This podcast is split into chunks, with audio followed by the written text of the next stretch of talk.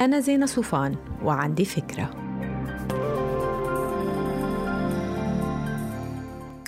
هاي اللي مين بتعاشر؟ بقول لك مين انت.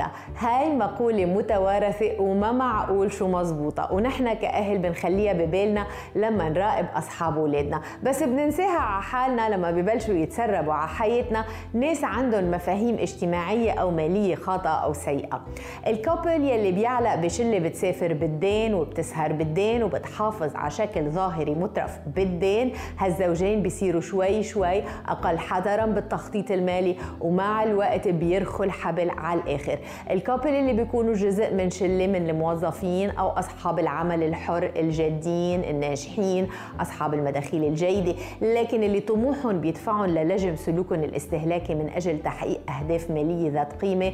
الناس اللي قبل الصيف ممكن يقولوا لك إنه الرحلة الجاية لازم تكون ميزانيتها محدودة لأنه بتتعارض مع خطط ابدا الناس اللي دائما مفتحين عيونهم وأذانهم للفرص الاستثمارية الجيدة واللي ثقتهم بنفسهم ما بتخليهم يسقطوا بأفخاخ المظاهر الخادعة.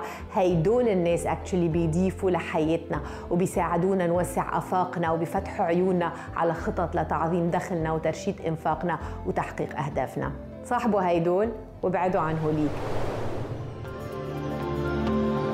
ما تنسوا تعملوا download للفكرة تعطوها rating وتساعدوني بنشرة. bye